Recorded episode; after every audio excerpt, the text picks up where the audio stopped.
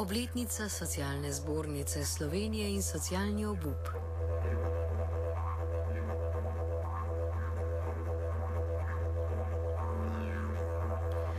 Socialna zbornica Slovenije je ta teden obeležila 20. obletnico delovanja. V ta namen so izdali tudi zbornik, ki ponuja kronologijo dogodkov preteklih 20 let na področju sociale. Ker socialna država vedno bolj peša, se je potrebno toliko bolj spraševati o ustavni določbi, ki pravi, da je Slovenija socialna država. Vedno bolj pogosto pa se tudi pojavljajo teze, ki trdijo, da je klasična socialna država, ki je nastala na evropski tradiciji, zastarela. Sicer oblike socialne države vedno bolj nadomešča prostovoljno delo, ker država očitno trenutno ne zmore ali pa noče reševati socialnih stisk ljudi.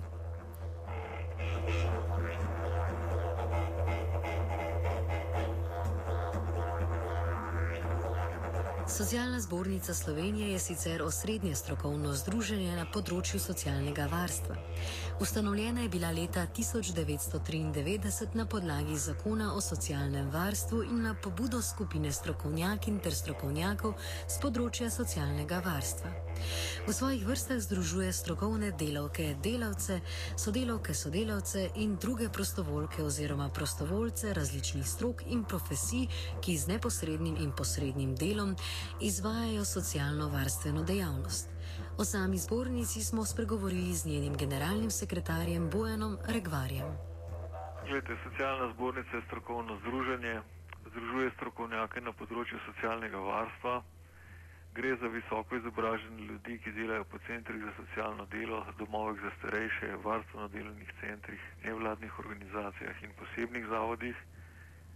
Um, združujemo približno 3200 članov, ki ima prostovoljno članstvo že celotno obdobje praktično in lahko rečemo, da naša glavna teža pri delu je zaposlovanje eh, pripravnikov in pa usposabljanje ljudi na vseh mestih za izboljšanje kvalitete dela. Lahko še malo poveste, prosim, o samem zborniku. Eh, zbornik je sestavljen tako, da smo ob 20. obletnici pač izdali pregled kronologije dogodkov skozi zadnjih 20 let.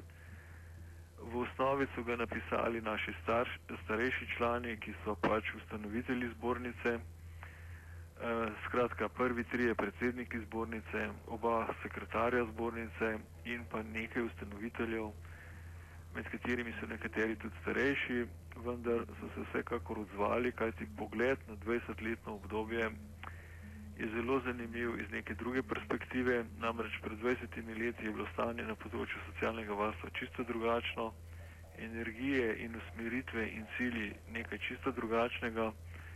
In tudi eh, bi rekel razočaranja, ki so jo delili ustanovitelji zbornice ob tem zborniku in ob tej akademiji, so izkazali, da so nekatere stvari šle v napačno smer.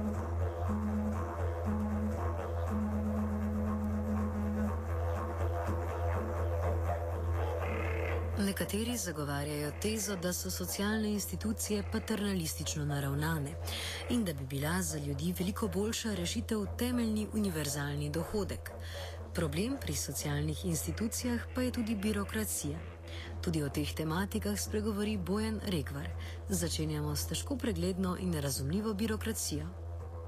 To je res, to ste pravilno ugotovili, namreč na področju socialnega varstva je trenutno 256 zakonov poprečen uporabnik to težko razume, tudi posamezni zakoni, naprimer zakon o uveljavljanju pravic iz javnih sredstev, ki se dotika vseh transferov v Sloveniji, je res težko pregledan.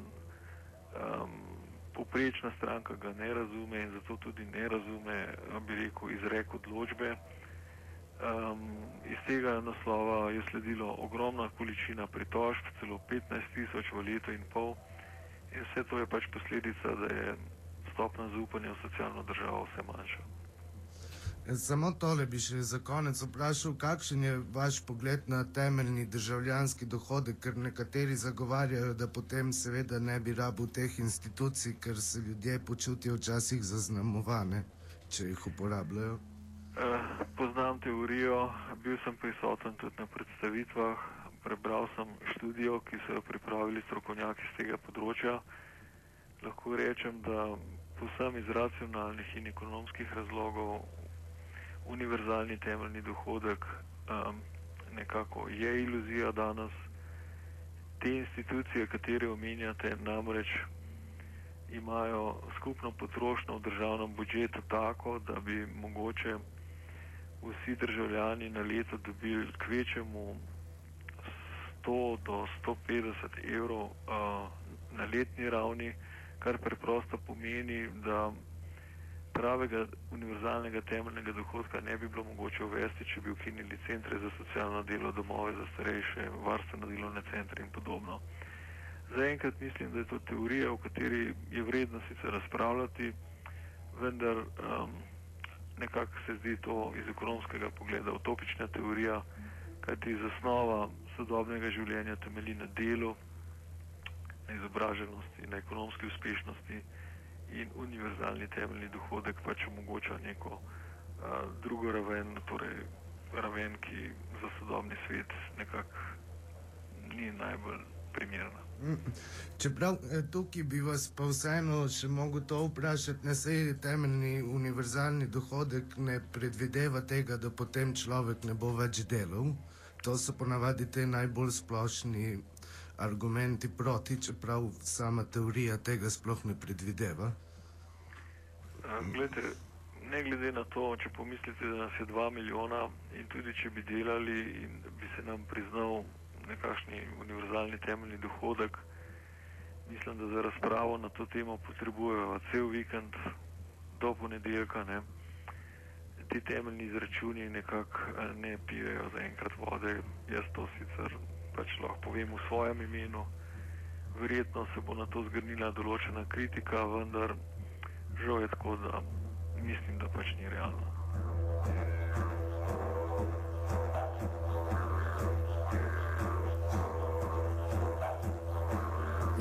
Smo tudi s predsednico Zveze društev upokojencev Slovenije, Matejo Kožuhnova, ki nam je povedala, s kakšnimi socialnimi stiskami se danes najpogosteje srečujejo upokojenci. Večinoma je prisotna plačilna nesposobnost oziroma revščina. Ja, veste, upokojenci so del družin, ne? tako da tisto, kar pesti upokojencev, eh, pesti tudi njihove otroke in vnuke ker eh, k sreči slovenska družina še v večini primerov zelo dobro skupaj drži in pomaga en drugmu. Medtem ko smo upokojenci lahko na začetku 90 še kar pomagali otrokom in vnukom, se pa zdaj stvar obrača, da eh, eh, ko eh, pride starejši človek v obdobje, ko rabi pomoč drugih, mu zmanjka denarja, ker so pokojnine premehne. To velja za 80% upokojencev. Se pravi, da padajo na ramena svojih otrok in vnukov kar se nam zdi katastrofalno. Ne? ne, niso v stiski samo upokojenci, ampak so v stiski cele družine. In tisti, ki vodijo države zadnjih 20 let, načrto siromašijo vsaj tretjino naroda. Se pa to že precej eh, gre na vzgor v srednji razred.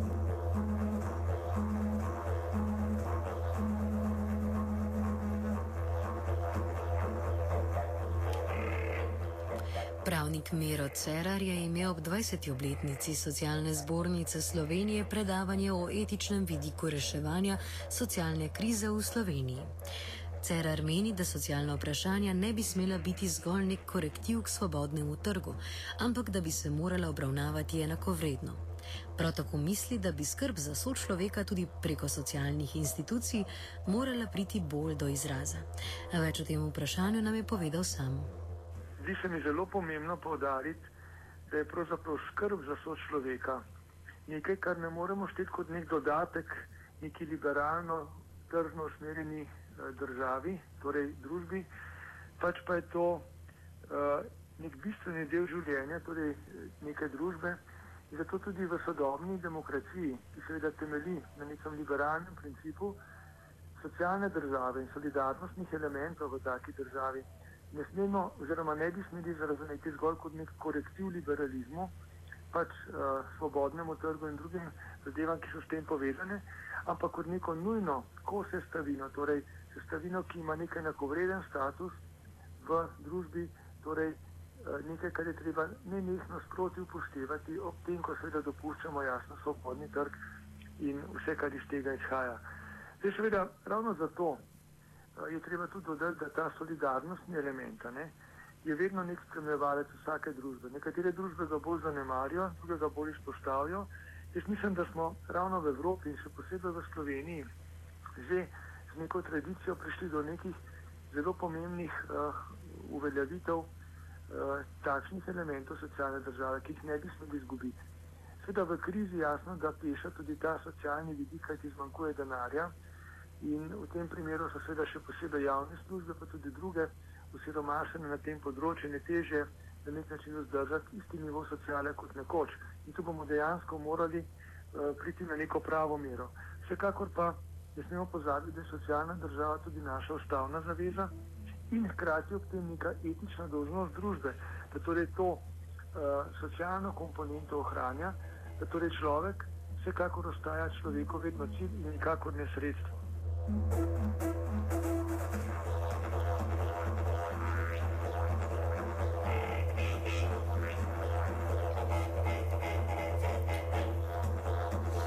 Trenutno žal ni tako, saj sistem v Sloveniji deluje po principu perverzne logike, ki gre takole. Če ne bom pokradel in siromašil jaz, bo pač nekdo drug, zato bi bil nor, če ne bi vzel jaz. Cerar tako pravi, da smo postali družba kraj in laži. Ravno to nesposobno sodelovanje, ki opažamo vsak dan, bodo seveda okrepili lahko v prihodnje tudi neki socialni elementi. Kajti, če bo Slovenija še naprej postajala družba atomiziranih posameznikov, razpršena, družba, v kateri pravzaprav se načelo deli in vladajo uveljavlja do skrajnosti in zato seveda profitirajo tisti plenilci na račun vseh nas ostalih, potem seveda se kriza ne bo končala, ampak še, po, uh, še poglabljala. Če pa bomo uspeli doseči na ključnih točkah neko zadostno mero sodelovanja, neke zredosti in seveda preprečili to, da bi se Slovenija še naprej razvijala kot družba, če rečem enostavno, kraje in leži, kar nedvomno smo postali, potem pa bo ta nova etična zavest prinesla tudi višjo pravno in politično kulturo. Znotraj take kulture je pa ne mogoče, da bi socialni element bil pozabljen. Namreč ne glede na to, kaj se bo dogajalo v prihodnje, neki evropski standardi, pa še posebej tudi slovenski, neka tradicija na področju socialne, socialne države, teh socialnih dejavnosti in socialnih pravic, se vsekakor mora ohraniti. In zato mislim, da je treba spodbujati neke vrste optimizem v tej smeri, kajti kljub krizi, ki bo zaenkrat verjetno še nekaj časa ostala, še poslabša situacijo, je le pomembno, da socialni delavci in vsi tisti drugi dejavniki v politiki, v gospodarstvu, uh, ki so seveda so udeleženi v teh razpravah, ne nasedajo na lažno dilemo ali gospodarstvo ali sociala, ampak enostavno začnejo sprejemati neko novo zavest, da sta sociala in gospodarstvo, tako kot vse ostale dejavnosti v družbi, neločljivo so odvisne in povezane.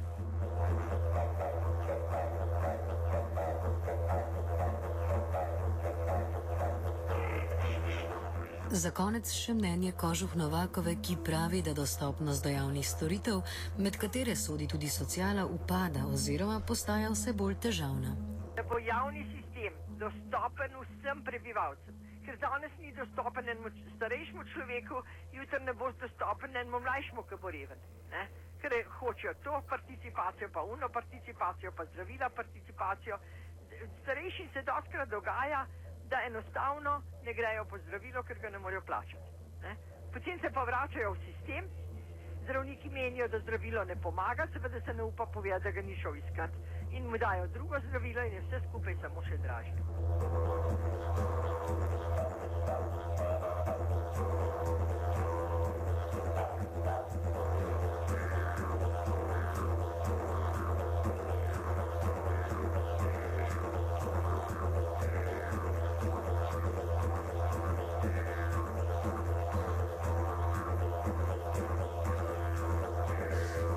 Socialna zbornica Slovenije ob 20. obletnici obstoja torej opozarja na alarmantno stanje slovenske socialne politike. A kot vse kaže, do izboljšav ne bo prišlo. Situacija je pesimistična, stvari pa gredo lahko očitno le še na slabše, oziroma prej na slabše kot na boljše.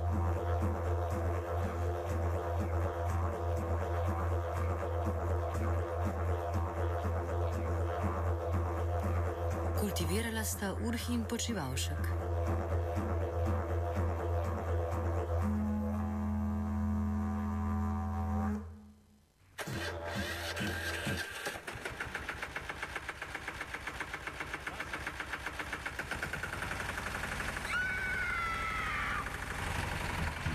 Ja, kaj pa je to?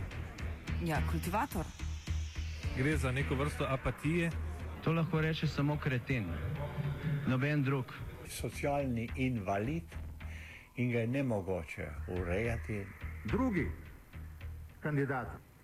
Pa, pa pije, kadi, masturbira, vse kako hoče lahko počne. Nihče tega ne ve. Vsak petek skultiviramo dogodek tedna. Lahko po kriterijih radio študent, težko pa po evropskih kriterijih. Ampak na drug način, kot vi to mislite. Kultivator vedno užge. Da pač nekdo sploh omenja probleme, ki so, in da pravzaprav sploh nekdo sproži dogajanje uh, v družbi. To drži, drži.